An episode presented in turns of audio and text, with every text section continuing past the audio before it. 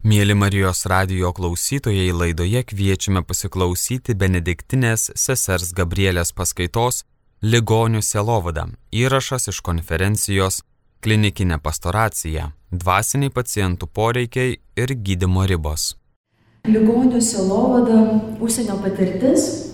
Matote, matote rankas, čia matote dvi rankas, kad yra lasda ir kad tai yra bendrystės simbolis.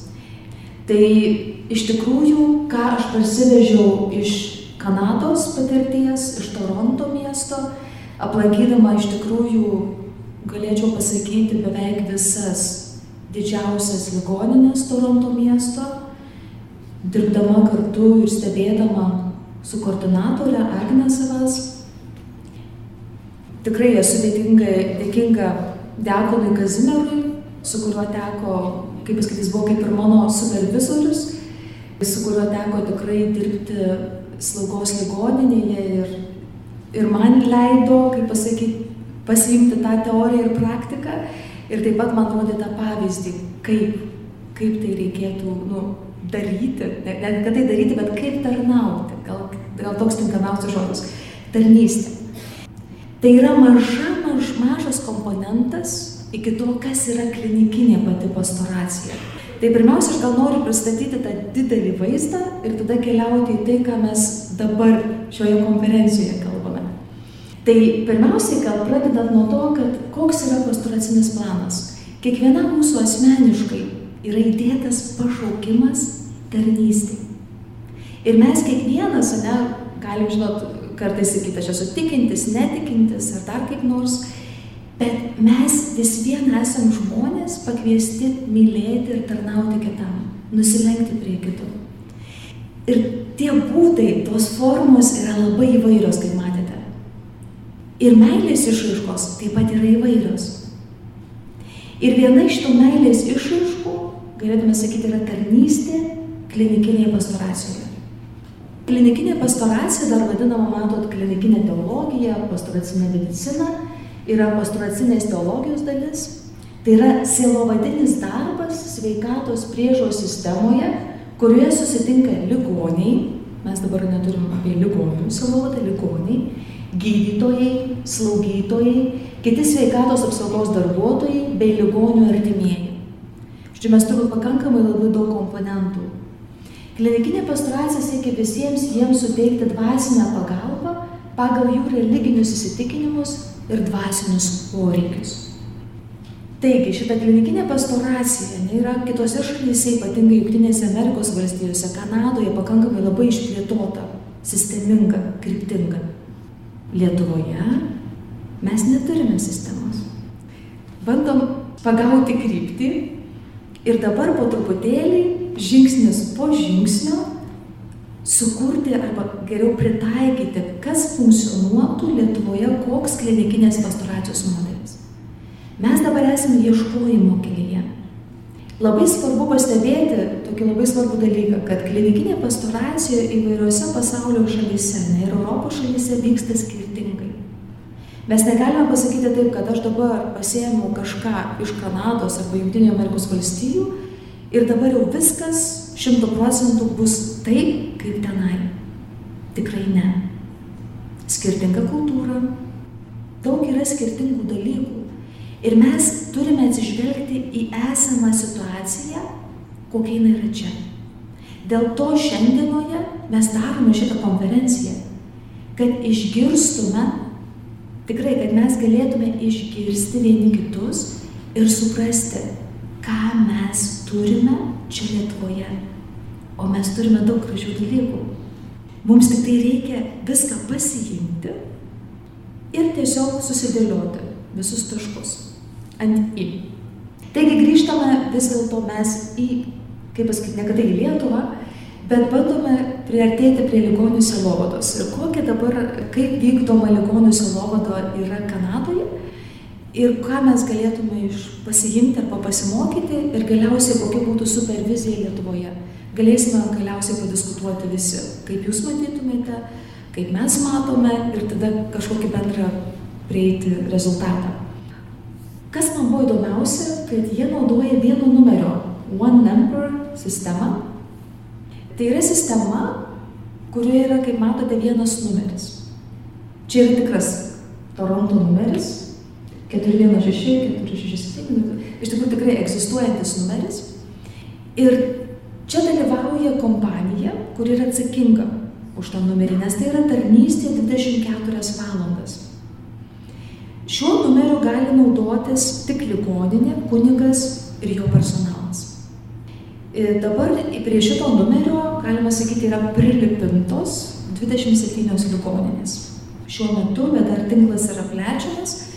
Ką tai reiškia? Tai reiškia, kad pirmas dalykas, reikia kažkam pagalbos, Ar tai būtų pokalbis, ar tai būtų sakramento teikimas, ar dar kažkas, pirmiausia yra skambinama šituo numeriu. Ir tada tie žmonės, kurie dirba, jie perdoda informaciją ten, kur reikia. Tas nepaskirsto, nežinau žimtumus, žino, kas dirba tuo metu, kas yra laisvas, nes yra grafikai jų sudaryti ir visi kiti dalykai. Ir dabar koks yra vaidmuo šitos sistemos? Tai yra rinkti informaciją, kreiptis į būdintį kunigą, ne, jeigu tai yra ekstrinis atvejis, jisai žino, dažniausiai tie žmonės, kurie dirba, jie žino, koks yra būdintis kunigas tuo metu, perduoti informaciją ir stebėti pačią ligoninę. Ane matyti tą bendrą vaizdą, kas, kas vyksta pačioje ligoninėje. Kitas svarbus dalykas, ką mes artėjame truputėlį prie tokių praktinių dalykų, tai yra tarnystė ligoninėje. Tai yra tarnystė. Tai yra unikalus tarnavimas. Kuo jis yra unikalus? Tai pirmas dalykas, ne, kad dėmesys tarnystai. Kad tu turi būti pasirengęs atiduoti ir priimti. Arba priimti ir atiduoti. Turi būti mainai. Žmogus, pas kurį mes ateiname, asmuo, jisai turi teisę jaustis taip, kaip jisai jaučiasi. Aš negaliu pasakyti, kad tu dabar jauskis kitaip. Nes jis turi teisę taip jaustis. Iš kitos perspektyvos, tu esi lankytojas. Kodėl jie naudoja tą žodį visitor? Labai įdomus dalykas tame, kad tai nėra psichoterapeutas, tai nėra psichologas, tai nėra dvasinis palydėtojas. Bet tai yra tas žmogus, apie kurį kalbėjo ir profesorius Andrius Macas, tas, kuris ateina būti, skiria laiko, išklauso, Ir aš atsimenu, man tikrai užstrigo pavyzdys, kurį pasakė profesorė Toronte, mums visiems sako, ar jūs pastebėjote, kaip jūs ateinate į palatą? Arba jūs pastebėjote, kaip jūs, vad kokią nuostatą, kokią nuostatą jūs įžengėte į to žmogaus erdvę. Mes sakom, ne, mes niekada nekreipi dėmesio, tai nes tai yra nesvarbu. Svarbiausia, ane, ką mes būna pirmiausias dalykas, tai mes ką mes galvojame. Ką aš dabar pasakysiu. Ir jinai sako, stop, ne čia svarbiausia, ką tu pasakysi. Svarbiausia, koks tu esi viduje. Ir kaip Mozė, ne? Mozė, kai jisai atėjo prie degančio krūmo, nustebo ir išgirdo balsą. Tas sustojimas, nustebimas ir išgirdimas balso. Nusiauk batus, neši žemė šventa. Nusiauk batus. Ir klausia mūsų, ar jūs esate pasirengę eiti pa žmogų be batų? Be savo purvinų batų, tai yra savo įsivaizdavimų, savo įsitikinimų, savo baimių, savo nuoskaudų, savo žaizdų, Ar jūs esate pasiruošę būti tušti ir priimti žmogų kaip tą degantį krūmą, kurio tu stebėsi, tu gali nustebti, nes tu nežinai, ko gali tikėtis. Tu nežinai, ką žmogus tu gali pasakyti. Ir kartais tave labai nustebina. Atsimenu pavyzdį, iškvietė mane iš tikrųjų pas vieną ligonę Ir atrodė, man pradžia tarsi buvo tokia, kad jinai atrodė, kad labai, žinau, pasitikėti savimi, tikinti ir visai kita. Ir po kiek laiko, kada tu neturi va tos nuostatos, jinai atsiveria ir pasirodo, ne, jinai sako, aš pykstu ant Dievo, aš labai pykstu ant Dievo. Nu ir tada, žinau, ta gelmė, tas įėjimas ane gilyn, kodėl tu pyksti. Ir taip toliau, aišku, tie klausimai truputėlį kitaip yra užduodami, nepriklauso nuo žmogaus situacijos. Tu daugiau esi klausytojas, negu klausimų uždavinėtojas. Bet laiku ir vietoje, ne viskas laiku ir vietoje. Ir kitas dalykas prie to unikalaus tarnavimo, kaip matote, yra privatumo svarba. Žmogus turi jausti saugiai, konfidencialumas. Tu atėjai, bet jisai žino, kad ką jisai pasakė. Nes kartais sako, ateini vat kitą dieną, tave iškviečia, jeigu dar neligonis būna ligoninė. Žinot, sako sesutė, aš jums nesąmonę prikalbėjau. Bet aš žinau, sako, kad niekas tai nesužinos. Vadinasi, žmogus turi teisę jaustis, kaip jisai jaučiasi ir gali jisai pasakyti tai, ką jisai nori pasakyti. Nes jis žino, kad jis nebus pasmerktas, nebus kažkaip ignoruojamas ar dar kaip nors kitaip. Kitas svarbus dalykas, prie to prisideda dvasinės globos skyrius, ne, tas spiritual care departments, aš net nežinau kaip jį išversti, tai yra, kad tu žinai visą laiką, kad ateini ir tu, kaip pasakyti, turėsi savo supervizorių, ne, yra koordinatorė, koordinatorius, ir tu žinai, kad tu pasidalinsi savo tą patirtimi, kurią tu patyrei su ligoniais. Nes žinot, kartais mes esame ypatingai lietuviai, tai daug dalykų mes užsikrauname ant pečių, žinot, kaip didžiausią maišą ir mes jų nenusėmame. Mes visas tas gyvenimo situacijas parsinešame namo. Ir tada klausimas, ar ne mums reikia pagalbos, kad mes galėtume iš tikrųjų tai atiduoti. Ir tada klausimas, kam atiduoti. Tai va, tai yra tie supervizoriai, kuriems nu, reikėtų atiduoti, bet čia yra irgi asmeninė laisvė. Kartais tau nesinori nieko kalbėti. Ir tu gali Dievo akivaizdoje tai atiduoti, atėjęs prie švenčiausio sakramento adoracijoje. Iš kitos pusės kartais yra noras kalbėti ir labai daug jausmų, emocijų, nesupratimo, labai daug dalykų kyla. Kitas dalykas yra išskirtas katalikų kunigas. Dėl ko? Dėl to, kad e, mūsų šalyje, žinot, aš bandžiau kaip pasakyti, galvoti yra mūsų šalyje, vis dėlto yra daugiau uh, katalikai, bet Katalikų kunigas taip pat turi atminti labai svarbų dalyką, kad tu turi turėti tą pagarbą kitos konfesijos išpažinėjams. Ir kartais būna taip, ne, kad kiek bent Toronte teko susidurti, kad kunigas yra iškviečiamas nu, ne vien tik tai Romos katalikams, bet kartais būna, kad ir kitoje kitos konfesijos sako, nu, reikia pasikalbėti, nori pasikalbėti. Arba dvasinis tada asistentas tas arba visitor, kai jį vadina. Tai va, mes dabar prieėtėjom prie labai svarbios dalies. Man atrodo, man pačios svarbiausias ir aš pavadinau tai lovos tarnystė. Ligonis ir lovodoje tai yra vinės.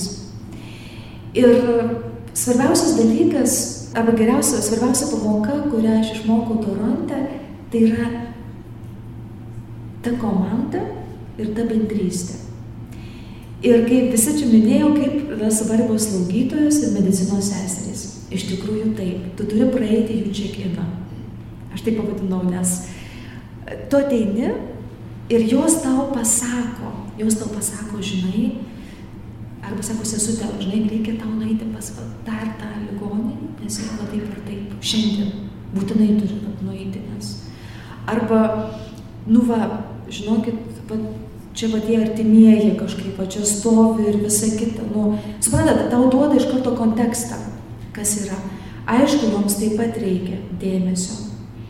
Ir turėjau tokią patirtį, kai tiesiog būdavo, aš negalėdavau įeiti, nes dėl to, kad mane ne kad tai ligoniai gaudydavo, bet nu, tai gaudydavo, bet labiausiai gaudydavo personalas. Dėl pokalbio, ne, dėl to noro tiesiog pasikalbėti. Ir, Ne vien tik tai apie darbą ligoninėje, bet ir apie savo asmeninius dalykus. Ir kai tu supranti, su kuo žmogus tuo metu ateina į darbą pas tą ligonį, su nuostaba tu nustelbi ir sakai, wow. Ir jis dar gali jam šypsotis, dar gali pasilenkti, kai pas patį yra tokia situacija, kad ten yra tragedija. Ir tada klausimas atsiriamė į tai, kad kaip palikti palikti, uždaryti net duris ir vad būti tuo tuščiu lopu. Yra iššūkis. Yra didžiulis iššūkis. Didžiulis iššūkis mus, mums evangelizuoti veiksmais. Žinot, mums lengva galvojam, kad mes evangelizuojam žodžiais, bet žodžiai tik yra 7 procentai. Kūno kalba yra 93 procentai. Tai vadinasi, kad kūno kalba daug dalykų pasako apie mus. Ir šeima, kada tu eini pas ligonį, šeima ypatingai yra jautri šio klausimu. Mato viską. Tavo nuotaiką, tavo gestus, tavo norus, nenorus. Ypatingai, na, kunigas, jeigu ateina stebi, ką jisai daro, kaip jisai daro. Nuo to pačio pirmo ėjimo. Tu pasimelti, duris atidarai ir viskas. Ir jau tu esi tame. Bent turėtum tai būti. Bet žinot, mes kaip darom, kai einam, tai mes dar, oi, dar galvojam, ten, žinot, puodas verta, ten dar kažkas, nu, žinot, dabar tokias ir metrai pasakiau, bet yra daug dalykų, ne, kurie, kurie su mumis dar eina kartu, kas, bet iš tikrųjų neturėtų kartu eiti. Ir mūsų visa maniera, noras bendrauti arba užsidaryti. Ir kartais mes to neįvertiname, kad ant mūsų tai matosi. Ar aš esu prielankus tam žmogui, ar aš esu, žinot, aš įeinu, nes tas žmogus yra mano veidrodis. Ir kartais sako, nu va žiūrėk, jisai dabar čia nuo manęs užsidarė ir tada pamatai, wow, taigi aš pati atėjau užsidariusi ir tas žmogus dėl to nuo manęs yra, kaip pasakyti, užsidaręs. Aišku, neskaitant to, ne kad ten nebūna pyksta, nu visokių gyvenimo situacijų būna, ne, bet, bet ta mano maniera, neįėjimo. Taigi, ką praktiškai kalbant? Tai pirmas dalykas, kai mes ateiname, kartais mes užmirštame nusirengti. Pavyzdžiui, nusimti striukę. Tai iš tikrųjų mums reikia nusirengti. Čia, žinokit, dabar mes juokiamės, mums tai yra elementaru, bet žinokit, kartais nu, nėra elementaru. Ateina su visais drabužiais, su paltais iš karto. Ne, mes esame tie, kurie mes reprezentuojam. Reprezentuojam, ne tą atvirumą ir visus kitus dalykus. Aišku, Toronte, ypatingai mes Lietuvoje dar neturime tokių sąlygų, bet Toronte einant į palatą, tu turi užsidėti halatą, turi kaukę užsidėti, turi pirštinės ir kiekvieną kartą išeinant turi nusimti, ateini kitą vėl užsidėti, žodžiu, tos visos procedūros, kurios vyksta, tie hygienos dalykai, kurie yra reikalaujami. Ką aš dar pabrėžiau tą pasibeldimą, kad tu turi pasibelsti prisistatyti save pacientui ir šeimai, pripažinti paciento orumą, tas irgi labai svarbu. Jei pacientas nesąmoningas, tai nereiškia, kad reikia jį ignoruoti. Ir kartais mes, žinot, padarom tokių klaidų, kad, ai, čia nesąmoningai, tai mes jį truputėlį paignoruojame, bet iš tikrųjų negalima būtų ignoruoti. E, ką kalbėjau apie skubėjimą, ne, profesorius Andrius Matsas? Tai vis dėlto, kai mes einame, mes turime pagalvoti, kad mes įeiname kokiai 10-15 minučių. Tai yra tos tikros veiksmingos pastoracijos ir, ir tiesiog esame tame, būname tame ir pagal situaciją matome, ne, ką galime pasiūlyti šeimai. Čia aš kalbu ne apie dvasinius asistentus, apie savanorius, kurie eina, apie kunigus, apie tą neskubėjimą. Aišku, kunigas gali kartais truputėlį mažiau to laiko turėti, bet yra iššūkis neparodyti, kad aš skubu. Nes parodymas, kad aš skubu, tai iš karto uždaro, nes žmogus tada, jis neturi laiko manęs klausyti, tai ir aš nebekalbėsiu. Nes kartais būna taip, kad žmogus papasakoja savo istoriją, nu, būna kartais ir trumpai, kartais ilgiau, bet po to pradeda pasakoti savo patirtį, kaip jisai jaučiasi, kaip jisai gyvena. Nebūna taip, žinot, iš karto, kad tu ateini ir jis tau atsiveria. Žinot, reikia laiko, kad apsiprastų su tavimi. Svarbiausias dalykas yra klausyti. Dauguma pranešėjų kalbėjo apie tai. Klausimasis įvairiapusis. Tiek kūno kalba, ne, tiek vidinis klausimas.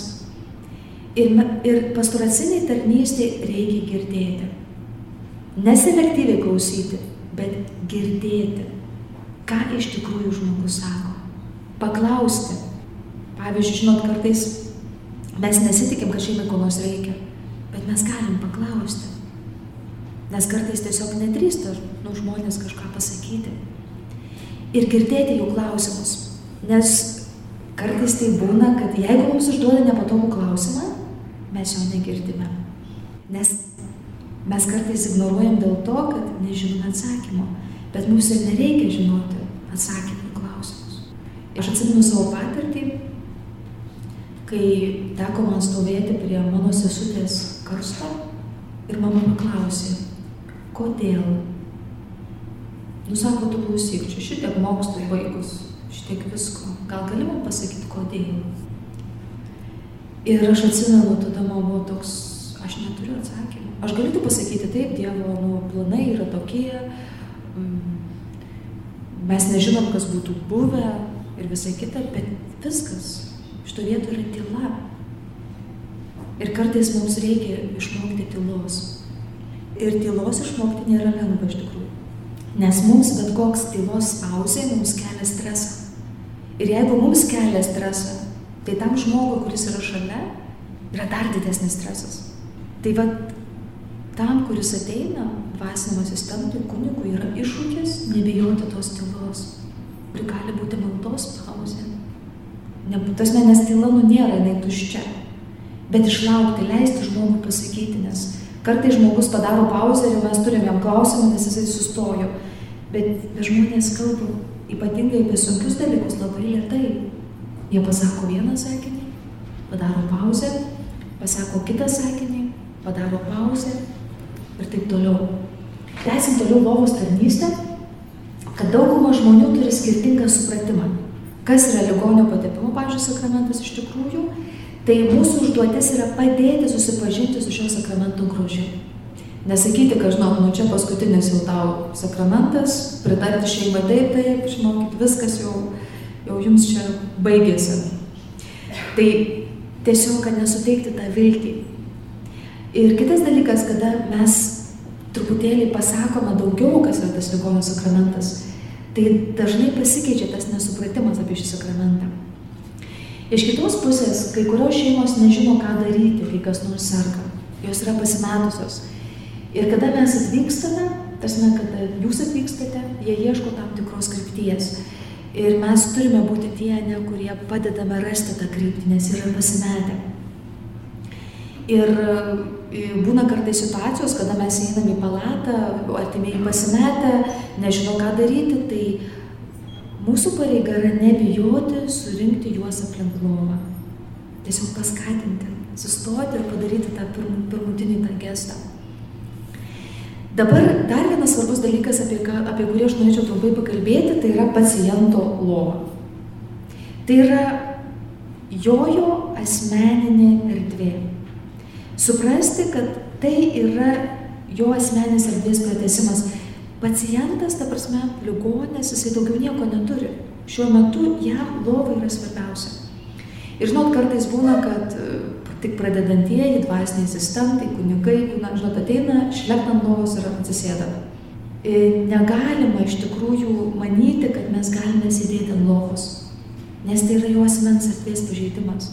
Reikia paklausti. Bet šiaip hygieniškai būtų geriau nesėdėti ant lovos. Kai pacientas guli, sėdė lovoje, leisti palikti jam kalbėti. Leisti tiesiog kalbėti. Nebijoti pasimti kambaryje kėdę, jeigu jinai tokia iš vis yra. Pasidėti prie lovos, kad būtų galima pasikalbėti su juo. Žinoma, pokalbis turėtų vykti akių lygmenyje, nes tada labai, jeigu ne akių lygmenyje vyksta pokalbis, tada labai sudėtinga. Labai sudėtinga yra bendrauti. Dabar principai arba ko jūs negalite pakeisti ir ką jūs galite pakeisti. Ne? Tokį, kažkaip aš įskyriau tokias dvi erdves. Tai ko mes negalime pakeisti, ne, kaip dvasiniai asistentai, kunigai, slaugytojai ir visi kiti, tai yra lygos ir fizinės kančios. Negalima pakeisti jų kultūrinės praktikos. Ne, tai kartais sako, nu mes lauksim iki ten paskutinės akimirkos, visą kitą, bet jeigu jau tai yra kultūrinė tokia praktika, jų ankstesnio tikėjimo ir sakramentinės praktikos pasirinkimo. Mes galim tiesiog pasiūlyti, bet žmogus yra laisvas apsispręsti. Ką mes galime pakeisti? Tai mes galime atnešti viltį, paguodą, paskatinimą. Mes galime iš tikrųjų būti su jais, kas yra pats svarbiausias dalykas - klausytis ir girdėti juos. Mes galime atnešti laiką. Ir kiekvienas ligonis laukia mūsų laiko. Kad mes turime laiko jam. Ir dabar, kai užsiminė apie mūsų artimuosius, iš tikrųjų geras klausimas, ar mes dabar turime laiko savo artimiesiems. Per savo visus užimtumus, skubėjimus, darbus. Ne tuomet, kai jie, žinot, jau jie serga guliu lovą, bet ar dabar mes turime laiko Ar mes galime, ką mes dar galime? Galime parodyti supratimą, užuojautą ir paskatinimą. Mes galime atnešti tą simbolinę Kristaus dovaną, tai būti Jėzaus buvimo ikona. Čia ir dabar. Mes taip pat galime atnešti išgydymą. Tiesiog net dvasinį išgydymą. Nes malda, žinote, turi galią, turi gali gydyti. Taigi, Dar vienas momentas yra reagavimas avariniu atveju, yra ABC ABC. Tai pirmas dalykas yra įgyti ir pasiekti santykį, žinot, labai trumpas laikas, bet tada man, žinot, spontaniškai va, tas iš karto į santykį įėjimas, nes kitaip aš nieko nepasieksiu. B dalykas, ką sako specialistai, tai reikia nugarinti, nuleisti tą iškilusią problemą, tai yra, kad nebūtų streso, truputėlį bandyti ją, truputėlį nuimti tą stresą, nes, nes jeigu yra didžiulis stresas ir dar dar užstresuoji, tada, žinot, visiškai neina susikalbėti su žmogumi, nes žmogus tada pasidavęs yra visiškam stresui. Ir C dalykas yra aktyviai susidoroti, tai yra aktyvus pavyzdys, kad aš turiu tada nešti ramybę. Ne, ne dėl to, kad aš esu ramus ir man yra tas pats, kas vyksta, bet dėl to, kad aš turiu tą vidinę ramybę. O vidinė ramybė gaunama tik maldoje, iš maldos. Ir kai kažkas čia pasakė dabar iš prelegentų, kad klausimas yra, ką aš duodu, ką tai atnešu kitam, kaip aš galiu duoti, jeigu aš neturiu. Jeigu aš neturiu santykio su Dievu, neturiu tos vidinės ramybės, tai kaip aš galiu ją padovanoti kitam? Nes iš čia kyla meilė ir visi kiti dalykai. Taigi, ačiū uždėmesį. Mėlyjeji, laidoje klausėmės Benediktinės sesers Gabrielės paskaitos Ligonių selovada. Įrašas iš konferencijos klinikinė pastoracija, dvasiniai pacientų poreikiai ir gydimo ribos. Likite su Marijos radijumi.